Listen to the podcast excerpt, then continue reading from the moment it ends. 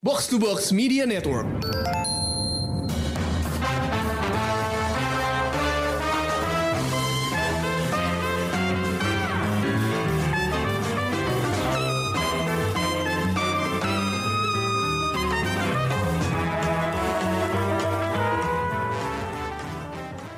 Pendengar Showbox, balik lagi bareng gue Amy. Dan kali ini kita bakal ngebahas sebuah film Indonesia yang agak nyeleneh nih. Uh, dan tayangnya di OTT yaitu The Big Four di Netflix. Uh, gue ngajak Rengga sama Krisna uh, malam ini. Karena jujur aja gue kurang mengerti ya film-filmnya si filmmaker ini. Dan gue nggak pede kalau harus nge-review sendirian. Jadi gue ngajak orang yang udah sering nonton film filmnya dia gitu. Nah, Hai Reng, Hai Chris. Halo. Oke, gimana nih The, The Big Four? Coba dong ceritain kenapa judulnya The Big Four dan siapa aja yang disebut The Big Four ini. Siapa? Hmm. Lu aja Ren. Gue ceritain lu lanjutin ya. Iya. Eh, jadi The Big Four ini ceritanya kurang lebih ini ya dunia dunia pembunuh bayaran ya kayak Hmm. John Wick gitulah.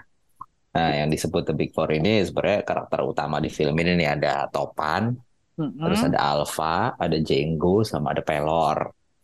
Mm. Nah, empat orang ini disebut The Big Four. Dia sebenarnya membuat mem- men- apa ya? Mereka sendiri tidak menamakan diri mereka The Big Four, tapi mereka dijuluki karena mereka emang jagoan lah di dunia inilah, dunia pembunuh bayaran lah. Nah, Hmm. mereka ini dididik oleh si seorang bapak namanya Pak Petrus. Nah, Hmm. mereka udah punya reputasi lah, reputasi lah The Big Four ini. Nah, ceritanya itu dimulai ketika si Pak Petrus ini dibunuh oleh eh, ini ya siapa? Anak didik yang pertama yaitu adalah Krisna Seseorang. silakan lanjutkan. Iya, Ketebak sih ya dari, dari ngelihat filmnya juga ketebak ya. Si pembunuhnya sejak awal ya. Ketebak banget sih kalau menurut gue. Kayak itu udah sering banget ditampilkan di film-film semacam ini ya. Kayak murid anak didik yang berbalik menyerang gurunya itu tuh udah bukan hal baru lagi sih. Ya, Oke. tapi kan ternyata ada cerita besar di baliknya. Mana nggak kejawab juga di film ini. Karena ini kan apa ternyata si Petrus ini punya anak perempuan yang Hmm. ternyata menjadi polisi gitu kan. Jadi Hmm.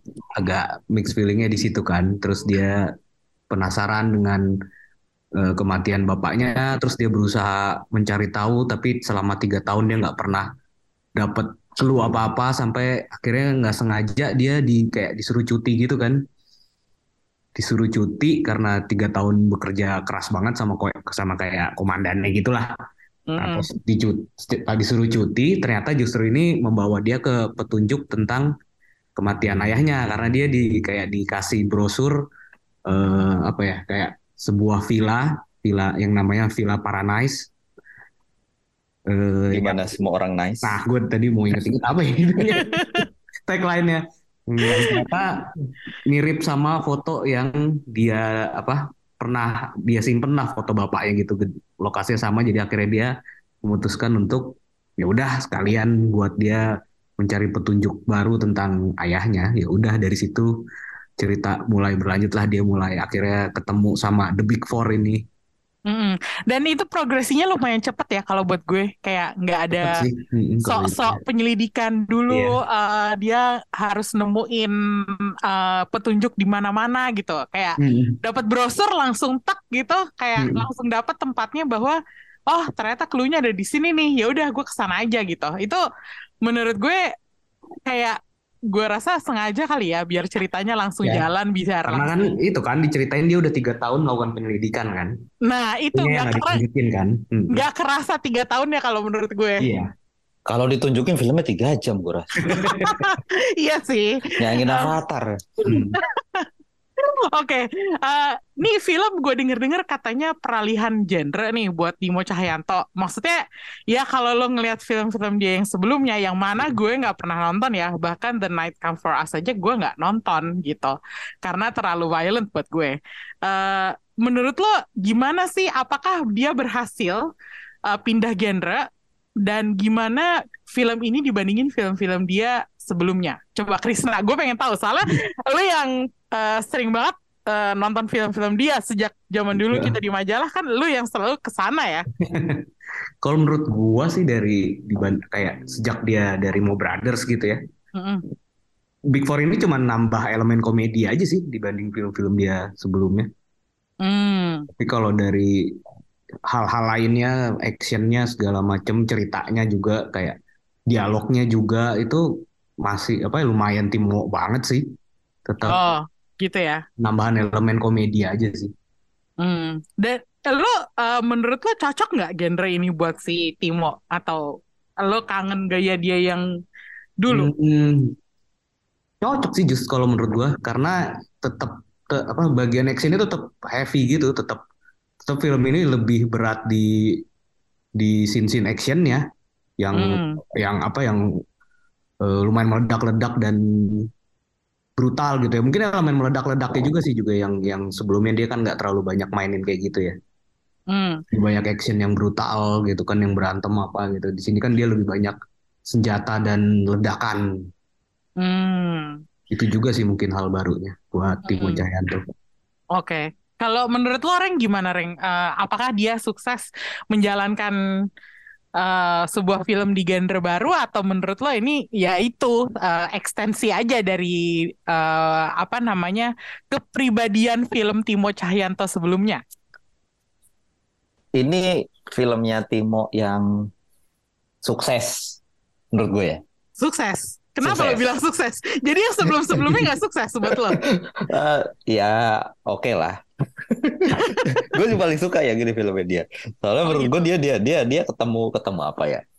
Ketemu mojonya di sini nih di film Hmm. ini gitu. Soalnya kayak kayak yang dulu yang dia The Night Come For Us gitu kan. Dia kan nulis juga di situ ya, sutradara Hmm. terus penulis juga gitu. Hmm. Gue merasa di situ eh, skrip dan dialognya tuh masih kaku gitu Oh. masih berasa gitu walaupun ac- actionnya cukup keren sih ya banyak yang Hmm. seru gitu tapi dari segi skrip dan dialog masih berasa kaku banget nah di sini ini gua gua eh, jujur ketika gue menonton ini tuh gue ketakutannya di situ sebenarnya soalnya Timo kan eh, setahu gue dia gede di Amerika ya Australia. Eh, Australia, Australia. Eh, Ah. jadi kan eh, kayak first language itu kan bahasa Inggris jadi gue Hmm. takutnya ketika dia nulis skrip itu pakai bahasa Inggris kemudian terjemahkan ke bahasa Indonesia. Jadi kayak kadang takutnya kayak eh, nggak nyambung gitu. Tapi justru ternyata pas gue nonton ini aja joknya lokal banget nih gitu. Ke dialognya lumayan Oh. receh sih kalau iya menurut gue. betul. Dan itu kayak kejutan buat gue surprise gitu. Wah ini ternyata keren gini. Ternyata ternyata kayak wah keren nih gue suka nih gayanya kayak gini gitu. Dan dan dia, dia- dan gue merasa kayak si Timo dapat dapat banget di sini ininya bagus banget dari segi action dia udah oke lah Mm-mm. jago gitu Gak action usah ternyata- ditanyain lagi ya. Iya nggak usah ditanyain lah. Emang spesialisasinya. Iya mas spesialisasinya gitu kayak problem gue sebenarnya di dialog ternyata skripnya bagus dan lucu gitu pas banget jadi kayak top notch. Iya, top notch. Gue inget banget tuh dulu, gue pernah ngeliput filmnya Timo. Ngeliput doang ya, meskipun gue nggak pernah nonton filmnya. Nih gue jujur aja, eh, film dia yang eh, waktu itu masih sama Mo Brothers kayaknya, yang Killers.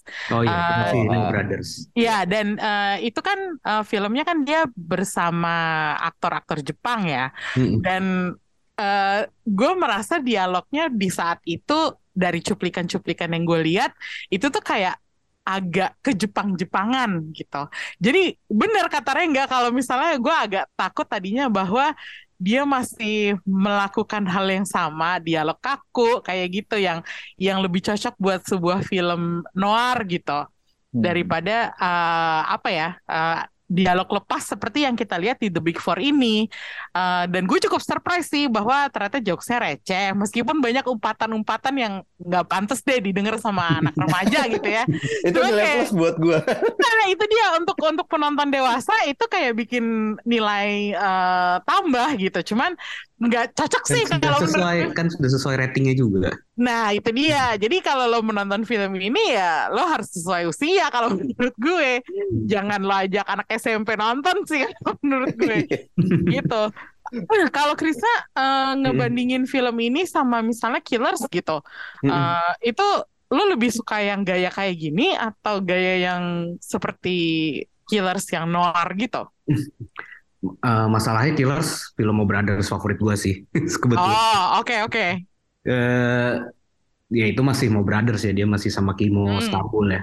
Mm-mm. Tapi kalau di apa ya di proyek dia yang udah jalan sendiri dia sutradarain sendiri Mm-mm. ya menurut gue ini dia The Big Four yang paling superior sih kalau dibanding apa ya sebelum iblis menjemput atau Nights Come For Us gitu itu ya ini emang yang paling superior sih karena ya eh jokesnya lebih ke deliver dengan pas sih menurut gue timingnya Ah, pas segala macem di situ yang mungkin di film-film sebelumnya eh, dialognya kadang tidak pas gitu kan. Kalau di sini jokesnya pun semua pas menurut gua penyampaiannya. Dan itu timingnya. itu kalau menurut gue ada kontribusi dari para aktornya juga nggak sih menurut Iya, lo? Gue setuju, gue setuju. Iya nggak sih? Iya. Jadi- jadi emang top semua kan kalau menurut gua sih. Castingnya pas banget sih, Hmm. bagus. Nah, castingnya tuh gue nggak nggak nggak ngerti gimana. eh, ini tuh berasa paling apa ya? Paling klop gitu. Mm-mm. Eh, sama Ya. nada filmnya, sama gaya penyutradaraannya. Mm-mm. Eh, jadi gue nggak kayak misalnya The Night Come For Us, gue tahu yang main di situ eh, nama-nama besar juga kan. Eh, ya gue nggak usah sebut lah namanya siapa. Cuman maksudnya eh, kayak ada apa ya semacam pressure mungkin untuk memenuhi reputasi mereka itu. Jadi kayak mainnya tuh nggak lepas. Sementara yang di sini gue merasa lumayan lepas. Iya, bahkan ada Christo Emmanuel yang debut film pertamanya aja menurut gua apa ya lumayan mencuri perhatian di beberapa scene. Nah itu dia bener juga. Tapi eh, itu kita omongin belakangan ya, Oke. cast eh, cast Big Four. Eh, yang gue pengen bahas duluan itu adalah Abimana, karena jujur nih, Iya. gue Abimana dulu agak apa ya, agak bukan yang meremehkan, tapi gue nggak sangka bahwa dia bisa jadi bintang action. Karena Oh ya. dulu gue biasa ngelihatnya di film-film yang baunya agak religi gitu, kayak Haji Backpacker gitu. Terus Oh. apa tuh yang film-film apa sih cahaya di langit Eropa gitu kan Awal-awal banget dia muncul sebagai Abimana itu kan. iya maksud gue dia karena munculnya sebagai aktor di film-film seperti itu tiba-tiba dia eh, pertama kali gue ngeliat dia sebagai action hero ya pertama kali kan di Gundala ya. Iya. itu aja buat gue udah agak-agak ajaib gitu. Bahwa Karena- dia bisa main eh, action se semeyakinkan itu dan gue lumayan suka sama Gundala Mm-mm. pada saat dia muncul gitu. Nah sekarang di sini lebih-lebih lagi di levelnya kayak naik lagi. Gue se- setiap kali ngeliat adegan action ya gue merasa gue percaya itu si Abimana beneran gitu Iya. kayak dia tuh eh, udah punya aura mana dandanannya kayak John Wick lagi. Rambut panjang agak kecengkotan gitu kan. Nah menurut lo berdua gimana nih sosok Abimana di film ini dan sebagai action hero secara keseluruhan? Sebenarnya dia kalau action kan udah cukup lama juga sebenarnya kayak dia kan main di Alif Lamim. Itu kan action Hmm. juga. Terus apa lagi ya sebelumnya ya? Nah, dia main di The Night Come For Us juga tuh. Night Come For Us juga iya dia main Iya. juga. Hmm. oh iya ya Iya, Iya, walaupun ya walaupun bukan pemeran utamanya ya. Iya. Hmm. Tapi dia salah satu ada. temannya Jota Taslim kan di situ. Terus ya dia sebelumnya apa lagi ya? Pernah Serigala Terakhir kalau nggak salah kan juga. Oh iya, Serigala Terakhir benar. Hmm. Itu kan action Sekarang banget Serigala Terakhir. action. Jadi dan kalau ngelihat secara sosok, fisiknya, mukanya, menurut gue sih emang cocok juga dia untuk main action ya, nggak cuma drama gitu. Emang Hmm. dia aktor yang bagus sih menurut gue. Hmm. kalau menurut lo Reng gimana Abimana itu eh, aktor favorit gue saat ini sih. oh ya Iya. wow wow kenapa tuh Eh keren aja, ganteng. Dia, gan- dia dia menurut gue sih aktor paling ganteng sekarang. Iya, saat ini ganteng banget sih. Hmm. Pak, eh, ini kayak kayak apa ya? Eh Karismatik sih. karismatik, keren, ganteng, range actingnya itu luas banget. Lo bi- dia bisa main komedi, Oh, iya. terus main eh, drama bisa, terus sekarang action apalagi gitu. Kayak luas banget lah. Dia mulai dari main komedi kan main warkop, Iya. Hmm. Nah, terus dari dulu kan juga main drama kan dia. Ya, itu Terus yang gue kenal sih Ya Abimananya. kan, makanya Ya bahkan sekarang main di film anak-anak aja keren loh. Tualangan menangkap petir tuh. oh iya, gue nggak tahu sih Iya. itu. Oh wow. Makanya sekarang kayak tiba-tiba main film action terus ternyata bagus gitu kan. Hmm. Eh itu kayak wah ini apa namanya masanya Reza Rahardian sudah berakhir. Saatnya Abimana menguasai perfilman Indonesia. Iya sih, kayak oke lah. Maksudnya eh, Reza masih, kalau menurut gue sih dia masih kelas atasnya ya. Cuman Tetap masih. mau tetap masih gitu. Cuman ya gue gue setuju sih kalau dibilang eh, ya ini si Abimana lagi apa ya? eh, Ada di tier yang sama lah. Iya, tiernya sama atas. gitu. Hmm. Udah udah masuk tier yang sama gitu. Hmm. Eh, dan gue nggak tahu kenapa di sini dia dapet ya komedinya ya. Iya. Tadinya gue gue agak takut sih, kayak bisa nggak ya dia deliver lines yang lucu, Karena, yang karena terlalu kocak. ganteng gitu. Bukan cuma karena terlalu ganteng, tapi itu dia kayak apa sih? Karena penampilan dia di film ini sejak gue ngeliat trailernya itu Mm. kayak Keanu Reeves, kayak John Wick gitu. Jadi gue pikir tadi tampangnya bakal lempeng yang yang apa Cool sih? gitu ya. Yang cool gitu. Dan gue agak-agak merasa, aduh bisa nggak nih kalau misalnya dia eh, komedian gitu? Hmm. Apalagi setelah berapa lewat berapa menit pertama kan kita segera sadar bahwa filmnya tuh sebenarnya agak-agak konyol dan over the top gitu kan, Hmm. bukan film serial killer apa bukan film assassin yang cool banget gitu. Ternyata sukses. Comedic timingnya bagus sih dia tuh. Nah, itu dia kok bisa ya? Kayak wow. Ya itu menunjukkan kalau dia emang beneran aktor yang bagus gitu. Karena jam Adegan jam dia ya jam terbangnya udah Udah udah tinggi juga. sih. juga. Mm-mm. Iya. Iya, iya, iya, gue setuju sih. Eh, terutama adegan di mana dia pertama kali menyambut si Dina Putri Marino di di Paradise itu, Mm. yang apa? Terus tiba-tiba dia kayak itu anjing saya gitu. Terus kayak gitu kayak apa? ma- eh, udah mati gitu. Matinya Hmm. kenapa? Kayak apa sih? Cintanya ditolak apa segala macam. Terus dia lagi mm, apa? Berantem kan sama orang-orang jahat di bawah. Terus dia kayak sedang menu- menekan menginjak muka seseorang tapi gayanya kayak dia seakan-akan mau nangis itu tuh adegan yang buat gue tuh kocak banget di filmnya gitu ada nggak sih momen-momen Abimana yang lo suka di film ini Hmm. Wah, mana ya? Ini sih. Kalau dari action sih pas klimaks dia beran, apa, berantem melawan si Antonio Sandoval itu keren sih. Tony Sandoval. Kalah jengking Asia Tenggara. Suranto. Suranto. Iya, itu itu adegannya keren banget sih. Kalau dari Pas adegan di itu sih. kamar itu. Hmm. Iya. Hmm. Tapi gue lebih suka nggak nggak lebih suka juga sih. Adegan berantemnya Putri Marino juga sebanding sih buat gue. ah ya ya ya Wah ya itu seru banget adegan adegannya berantemnya. yang di ternyata Putri, mandi ya Putri iya yang ternyata Putri Marino bisa berantem kayak gitu gitu. Walaupun itu stuntman ya, tapi kayak meyakinkan sekali gitu.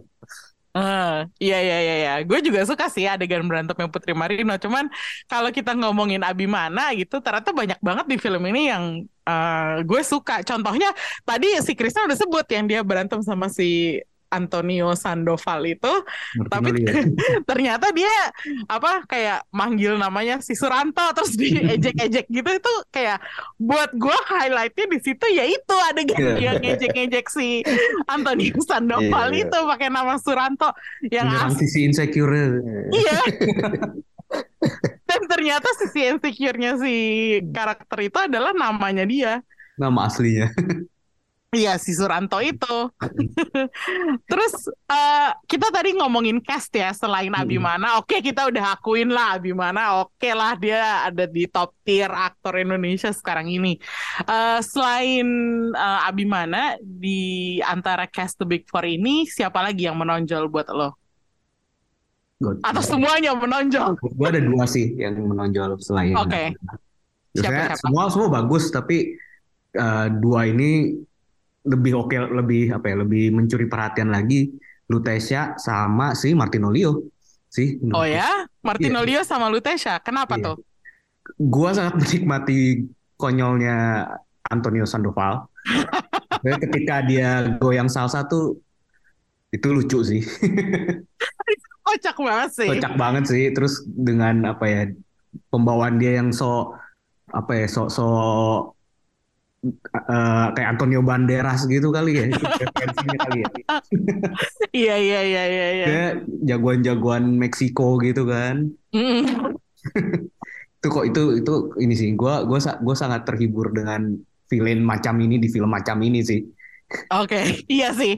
Kay- Kayaknya kalau filmnya nggak kayak dia, nggak dibikin konyol kayak dia, filmnya bakal flat gitu nggak sih? Mm-mm. Iya makanya kan. Untuk jagoan-jagoan se apa kayak gini, lo harus punya villain yang sama-sama Kuat, apa ya? menonjol gitu. kuat dan menonjol dan over the top juga Iya. gitu. Harus komikal sih. Nah, Iya, iya kan? Iya kayak bener. Kalau nggak komikal nggak berhasil, gua rasa sih. Betul. Oke, terus Lutesia kenapa, Chris? Lutesia, gue gue gue cukup ngefans sih sama Lutesia ya dari kemarin belum lama ini gue nonton dia di apa eh, Keramat Keramat 2 itu juga dia yang paling menonjol menurut gue di situ. Terus di sini ya ternyata dia bisa action juga. Ah, iya iya iya. action action dia keren. Di sini kan diceritain yang paling kuat di Big Four kan dia.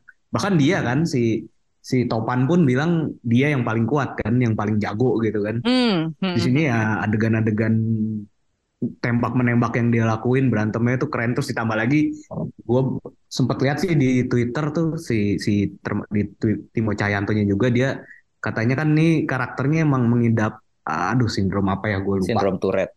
nah ya itu yang Oh, iya iya iya. mengumpat segala macam itu Hmm.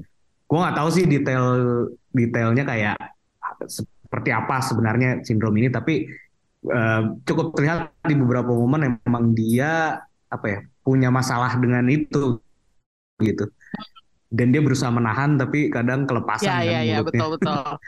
Oke. Lihat lah stra- struggling dia dengan dengan masalah Hmm. itu Oke. Nah, eh, pilihan Rengga siapa nih? Hmm. Mungkin sama kayak Krista sih sebenarnya. Oh, sama nih. Tapi Martino kayak, Leo kayak juga. uh, Martino Liu, kalau Martino Liu gue sudah sudah kayak gue mengharap mengharap apa ketika gue nonton ini ketika gue tahu penjahatnya si Martino Liu gue udah pengen nonton gitu. Ketika Hmm. wah mana main gitu kan. Gue harus nonton. Begitu si Ajo Kawir gue wah gue harus nonton nih. Gue pengen lihat apalagi tampilannya kayak gitu kan gitu. Kayak gue harus lihat ya ternyata tidak mengecewakan sih emang karakter si, Suranto ini gitu. Iya. suka gue tapi buat gue yang lebih menonjol di sini justru si Lutesia emang iya Oh, ya?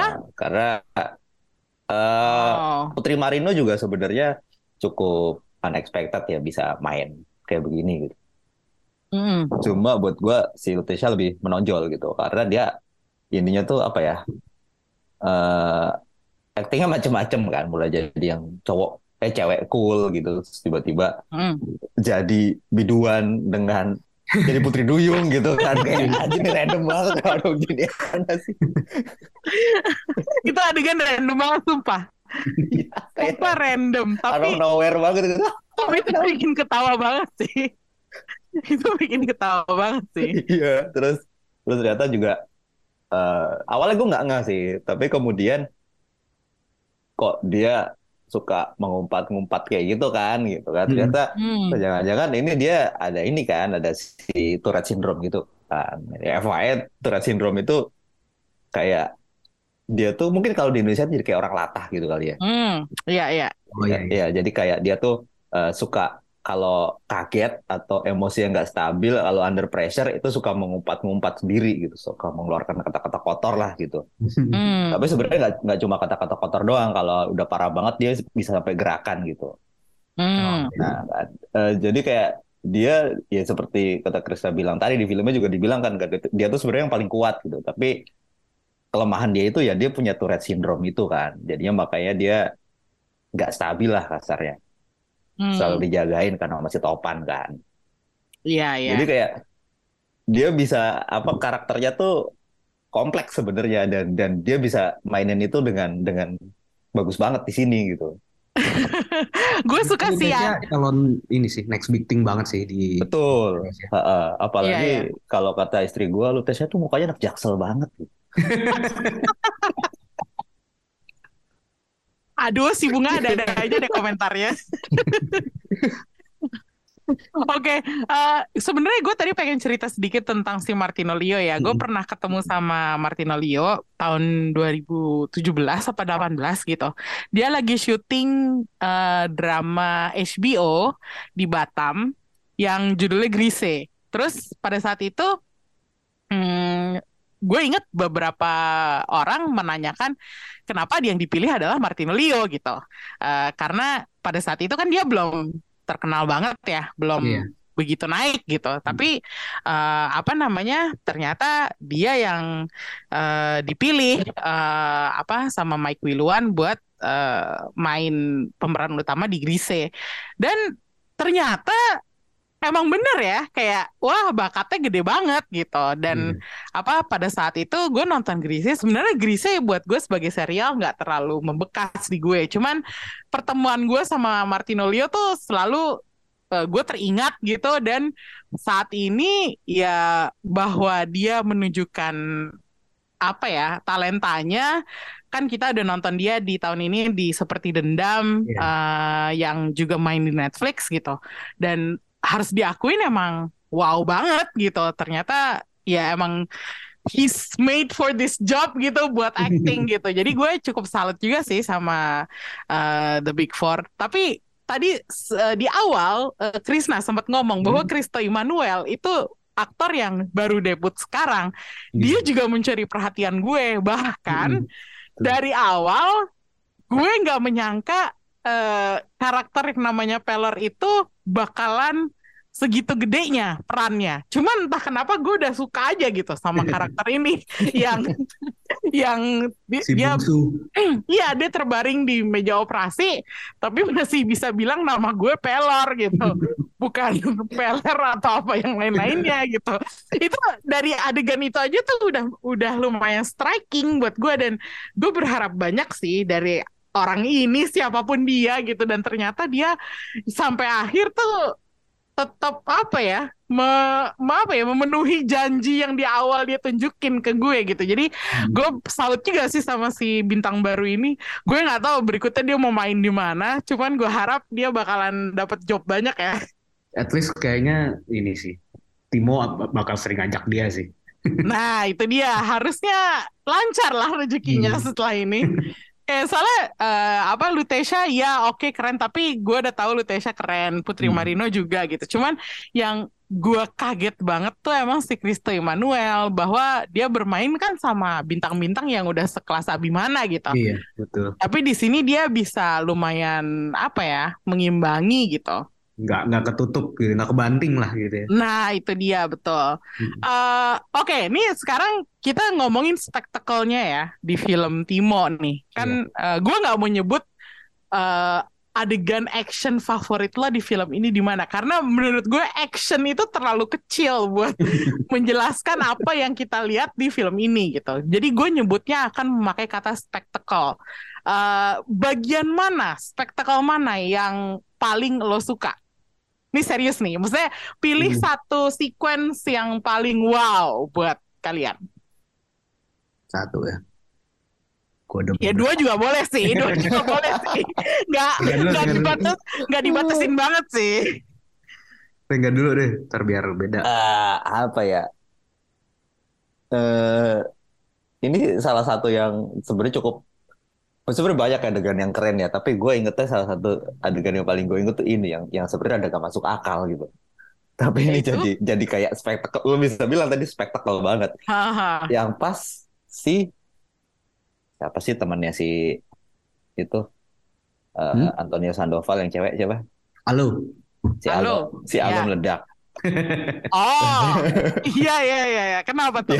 Ya, yang di yang apa basokannya di di dilempar si Siska Kenapa? dia meledak kan. terus masih ada Ya, itu- kakinya Ya itu masih makanya itu, itu yang bikin gue memorable banget jedar meledak tapi kakinya masih ada di situ gitu. ya itu keren Secara logika kalau dia meledak kakinya mental ya. Hmm. Tapi tiba-tiba kakinya masih ada di situ gitu. Masih bernapak gitu. Ya masih napak gitu, aneh banget gitu kayak ya apaan sih? Tapi Nggak kayak, logis, ya, tapi nggak logis, keren. tapi ya oke gitu. Ini komedi baik, saya terima dengan lapang dada. Oke oke, boleh juga sih, bener juga sih. Itu adegan lumayan ini sih, lumayan striking ya buat gue juga kayak, waduh dia masih ada kakinya pula, gitu. Oke, kalau Krisna yang mana Kris? Gua eh kepala meledak ditembak sama Putri Marino sih. Oh, iya. Yang tinggal sampai mulut doang ya tinggal tinggal sisa Itu mulut loh sumpah gue. Kaget gitu kan lumayan- bakal dan ditembak lumayan lama kan? mental gitu kan jedar Di gitu. close up-nya lumayan lama kan. Iya. Soalnya pakai ada darah muncrat-muncrat dulu ya nggak sih? Kalau nggak pakai darah muncrat-muncrat nggak nggak lengkap kayaknya. Hmm. Tapi itu yang yang apa ya itu kan yang brutal ya. Tapi kalau yang lebih lebih grand, lebih gede itu pas ini sih.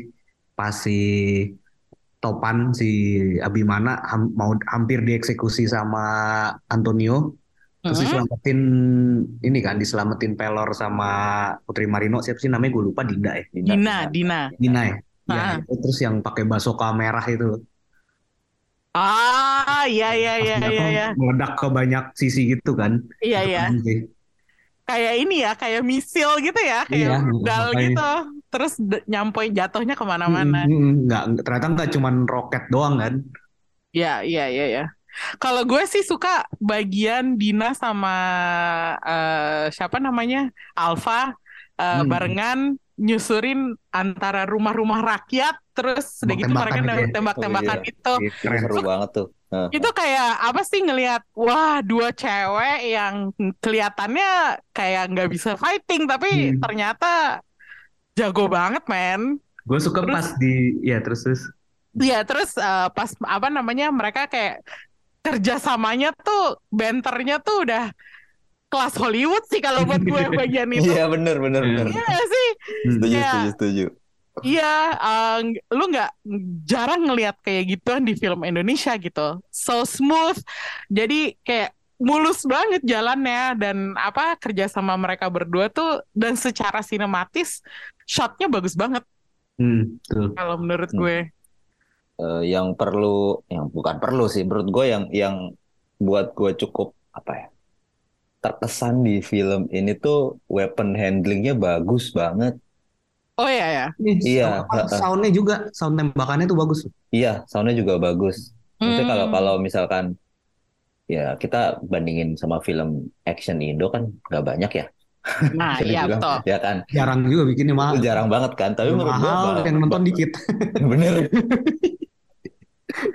Tapi buat untuk untuk bisa dibandingkan dengan eh, film-film Hollywood yang eh, semenjana gitu, kelas B gitu kan. Hmm. Ini weapon handlingnya tuh jauh lebih bagus gitu. Mungkin setara John Wick weapon handlingnya si aktor-aktor ini kayak misalkan ketika si siapa eh, kelihatan banget waktu si siapa ya Lutfi sama Dina megang pistol Hmm. terus dia jalan itu kan sebenarnya nggak boleh diacungin ke depan kan Ya. pistolnya di, ditahan di dada kan Hmm. dari situ aja udah kayak wah bagus nih Detailnya ya. detailnya bagus kayak gitu gitu terus eh, kelihatan banget yang pas eh, act terakhir tuh yang di hotel mereka Hmm. intinya eh, formasinya itu bagus banget kan kelihatan kayak lu ke sini lu ke sini tek tek tek tek tek tek Oh, yang mereka bertiga masuk barengan betul ya. ha, Ya, lu ya, ke sini ya. ke sini ini apa backup gua bla bla bla bla itu keren sih jadi kayak begitu begituannya tuh eh gue suka gitu udah Hmm. udah udah setara Hollywood banget menurut gua Kalau boleh gue bandingin gua ya. Suka ini juga sih. Suka pas Kenapa, kenapa, spesial, Chris? spesial effect pas ada orang kena tembakan itu kayak ada apa ya cipratan darahnya tuh kayak kayak embun gitu kan embun merah gitu apa ya splatter gitu ya Pus, iya maksudnya iya. kayak kayak ada tapi bukan yang muncrat iya nggak Tapi, berlebihan ah, cerot gitu kan iya Iya, iya, iya, iya. itu keren sih Berarti itu konsisten kan selalu selalu begitu efeknya dan gak heran makanya jadinya eh, si Timo pede banget eh, nge-close up bagian-bagian tembakan apa hasil-hasil tembakan itu kalau Iya. menurut gue. iya Eh, dan ini ya, gue sorry sorry aja nih, kita eh, beberapa waktu lalu kita nonton film The Gray Man, film Netflix juga gitu. Tapi entah kenapa ya, kalau boleh gue bandingin, action di situ sama di sini menangan di sini loh. Jauh. Jauh, kan? jauh, jauh banget kan, jauh banget kan. jauh. Maksudnya eh, dengan segala hormat kepada Ryan Gosling dan Chris Evans, tapi maksud gue, gue lebih enjoy nonton si Martino Leo sama Abimana berantem daripada ngelihat Iya. Ryan Gosling sama Chris Evans berantem gitu. Jujur, jujur gitu. Hmm. Kayak ya itu salah satunya adalah yang tadi eh, lo bilang Reng bahwa handling senjatanya terlihat real dan pas gitu. Hmm. Kayak nggak dibuat-buat kayak aktor megang senjata gitu loh. Iya, Terus mereka tembak-tembakan jarak dekat komedi, keren banget. kan. Di Yang film ini maksud lo, Chris? Iya kan ada kan yang pas si Topan dan eh, Antonio itu berantem terakhir itu kan ada Ah, iya iya iya iya iya ya, betul kan? betul. Ya, betul. Oh iya itu Ganfu itu ya. Ganfu. Iya iya kalau di John Wick itu ya. Iya, tak tak tak tak wah itu keren sih tuh koreonya. Mm-mm. Bagus banget. Nah, itu dia kayak eh, so refreshing ngelihat action film yang koreonya nggak harus pakai bela diri tapi masih bisa fluid dan apa ya eh, lepas gitu. Dari tadi gue pakai kata ini mulu gitu, cuman gue berasanya kayak gitu, kayak ya udah nggak ada kayak nggak ada pressure sama sekali gitu di di merekanya gitu. Eh, Tapi gini deh, eh, gimana pun ya eh, film ini pasti ada kekurangannya kan. Eh, ya bukannya maksud gue mau jelek-jelekin, tapi apakah ada satu hal yang bisa dikritik dari film ini? Hmm, Apa ya? ini sih eh, sebe- alasan kenapa sih Pak Petrus ini Hmm? eh, mendidik anak-anak ini untuk jadi Assassin. pembunuh bayaran, iya, assassin gitu. Ah, backstory-nya ya, nggak ada ya? Backstory-nya ya mungkin Petrus dan Big Four gitu ya. iya, ya mungkin emang bakal dilanjutin ke film berikutnya sih ya disimpan ya. Iya kayaknya. Tapi kayak nggak ada woro-woronya aja gitu. Kenapa gitu? Si sih. Dina juga tidak tidak mencari tahu kenapa sih ini bapak gua gitu. Kok Iya sih. menjadikan anak-anak ini jadi kayak begini gitu loh. Alasannya itu kayak kayak ada yang ganjel aja gitu. Alasannya Hmm. kenapa gitu. Mungkin Padahal kita si ya. padahal si Dina cukup terganggu ya bahwa bapaknya tuh punya kayak Iya. anak-anak lain gitu. lebih Betul. bahkan lebih lebih lebih dekat mungkin lebih menghabiskan waktu lebih banyak gitu kan dengan si Big Four ini. Ya, Heeh. kalau sih Krisna ada nggak kritik yang mungkin bisa disampaikan? Ya itu gue setuju sih. Jadi kayak eh, apa ya? Kenapa Big Four sampai rela mati sampai segitu kehilangannya ketika Petrus eh, dibunuh ini tuh Iya, kita kurang kurang paham gitu kan dengan backgroundnya. Cuman Hmm. gitu, cuman cuman berdasarkan apa yang mereka ngomong kayak dia bapak, dia apa keluarga. Tapi ya udah gitu, nggak. Tapi kita nggak pernah dapat momennya kan sebenarnya. Ya, Ya. kayak mereka akhirnya udah ya udah kita Hmm. kenalnya gitu aja gitu kan. Jadi Iya. kayak nggak ada kita nggak bisa melihat asal usulnya mereka jadi kayak gini tuh gimana gitu kan. Iya, betul. Kalau gue yang pengen gue kritik adalah eh, predictable-nya sih. Bahwa Ah. ternyata terus udah gitu ada penjahatnya yang dibaliknya si eh, Antonio Sandoval itu adalah Hasan. eh, Hasan gitu. Itu Hasan. kayak ketebak banget dari awal. Gue dari pertama kali ngelihat dia kayak gue udah tahu deh. ngeliat si Pak Hasan ya, ngeliat si Iya, komandannya itu kayak kayak udah langsung ketebak ini lo nih biangnya biang keroknya di belakang ya nggak sih Iya. kalau gue sih merasa itu langsung ketahuan banget atau mungkin kita udah ser- keseringan nonton film kayak gini Atau memang sengaja nggak ditutup-tutupin juga kali. Kayaknya emang nggak ditutup-tutupin Iya, sih. kayak emang ya emang ya udah nih kayak gini aja gitu. Toh Heeh. fokus film ini kan di entertaining ya kan, di action dan komedinya gitu. Jadi kayaknya nah, memang bukan sesuatu yang difokuskan gitu buat sebagai sebuah kejutan. Emang emang nggak pengen diumpet-umpetin sih gue rasa Iya. emang. Mm. Ya udah gitu. Kayak Kalau lo bisa nebak oke gitu. Kalau enggak ya surprise gitu kan. Hmm. si siapa kayak kita tahu dari awal juga si pembunuhnya itu si Antonio kan. Walaupun Iya, dia betul. Iya, maksudnya walaupun pas kejadian dia pakai helm gitu kan. Mm-mm. Tapi ya udah kita udah tahu lah gitu. Mm. Tapi ini endingnya jadi agak-agak kayak gimana ya? Kayak lo sengaja banget pengen bikin sequel ya, gitu loh. Iya gak sih? Tiba-tiba Iya. nongol karakter satu perempuan yang kita nggak tahu siapa ya. Ini Marsha Timothy sih. Cuman kayak lu datang dari mana gitu. Kayak ada nggak sih yang bisa jelasin sama gue endingnya tuh maksudnya gimana? Ya jelas ini sih memang antisipasi untuk sequel sih yang pasti yang pasti ini kan bakal naik kan ininya apa eh, spektakelnya gitu kan bakal naik. Jadi gue yakin sih ya ini si siapa sih sebenarnya udah ada namanya sih si perempuan ini Udah. udah di Udah ada namanya siapa Iya. sih? Lady eh, siapa? Lady Zero, Lady Zero. Lady Zero, iya. Karena udah di, di- udah di tweet juga sama Timo kan. Kayak pastinya sih dia ini ya assassin yang lebih tinggi lagi daripada si Antonio. Iya, pasti punya organisasi something-something gitu Iya. kan. Terus dia punya anak buah anak buah lagi nih. Iya. Ketahuan banget ya. Iya, plotnya udah kelihatan sebenarnya. Tapi ya film kayak Big Four gini, gua sini sih sangat terbuka sih dengan The Big Five nanti. Bakal The Big Five ya, plus Dina. Ya ya bisa jadi sih kayak The Big Four sequelnya judulnya The Big Five atau terus nanti lanjut Big Six, Big Iya, Seven, terus. Big Eight gitu terus aja sampai sampai ini sampai Lagi atas. kayaknya kan ininya penontonnya lumayan oke nih dia di di chartnya Netflix kayak lumayan oke nih di seluruh dunia. Iya, di, Eh, di US juga bagus kan katanya. Iya. Kalau gue lihat hari ini nomor satu di movies top 10 movies Indonesia Today. Hmm. Jadi gua rasa sih dan kemarin gue bahkan nemuin sebuah review untuk film ini dari RogerEbert.com. Itu kan Oh, itu kan uh, outlet yang lumayan gede ya buat perfilman ya. Iya. Ya, prestisius. Ya. Jadi, Ya, Timo kan udah punya reputasi internasional juga lah. nah ya, ya nggak heran sih kalau misalnya nanti kita dapat sequelnya dan gue berharap memang ada sequelnya. Kayaknya Iya. sayang aja kalau nggak dilanjutin iya. cerita nih. Karakternya udah oke-oke banget juga kan. Hmm. Nah, tapi gue pengen tahu deh, kalau misalnya sama John Wick, ini eh, udah bisa bersaing belum? Atau masih belum? Hmm, kok kalau John Wick masih masih ini sih masih mungkin ke- per- perlu banyak perbaikan. Eh bukan bukan perbaikan tapi ya mungkin ya beda budget juga sih ya. Jadi kayak mungkin kalau di sequel dikasih budget lebih besar mungkin aja sih bisa nyamain. Tapi kalau di The Big Four ini ya belum sih. Masih di di bawah lah John gue. Wick itu film pertamanya itu budget indie loh.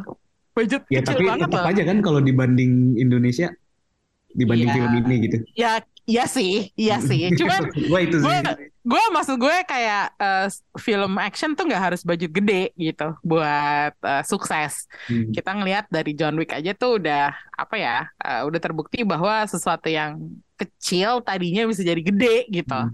Makanya gue penasaran aja The Big Four ini kira-kira ke depannya bisa nggak sih? Meskipun kita nggak tahu ya rencananya Timo ke depannya mau membesarkan ini sebagai franchise atau bukan. Cuman gue penasaran aja ngelihat bagaimana perkembangannya kalau universe ini dilanjutkan gitu. Ya, ya. Kalau kalau ada sequel kan otomatis gue yakin budgetnya pasti nambah kan.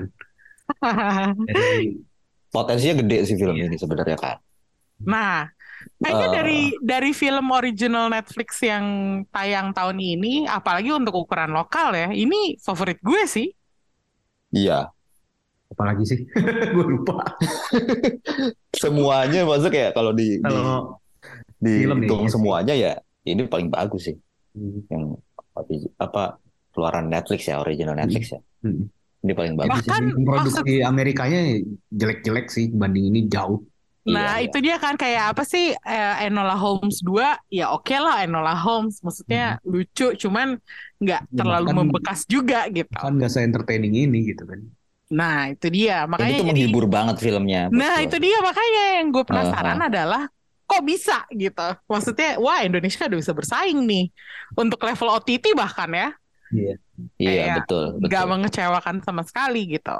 Nah, oke, eh, itu tadi kita bahas eh, The Big Four, tapi berikutnya gue pengen menyentuh sedikit proyek Timo yang eh, akan datang, uh, gue pengen nanya sama Rengga sih sebenarnya. uh, udah ada belum sih uh, yang bisa lo share tentang si buta dari gua hantu? Karena itu judul yang cukup lama gue tungguin gitu. Gue penasaran aja, Reng.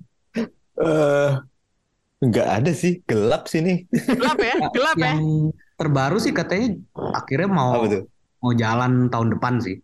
Oh gitu. Oh, oh gitu. Malah Krisna yang tahu nih. Ya tadi gue sempet ya, ngecek-ngecek soal upcomingnya Timo ya.